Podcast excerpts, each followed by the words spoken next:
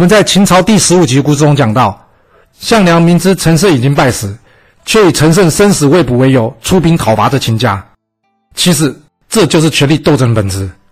所谓师出有名，都只是为了安慰下面的人，让大家觉得有个理由去跟人家作战。所以很多时候你会看到上位者给的答案呢，其实并不是理由，只是一种说法。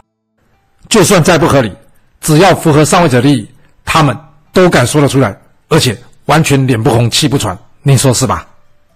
历史刻画着人性，了解历史，或许我们就能用不同的观点去判断事情。您说是吧？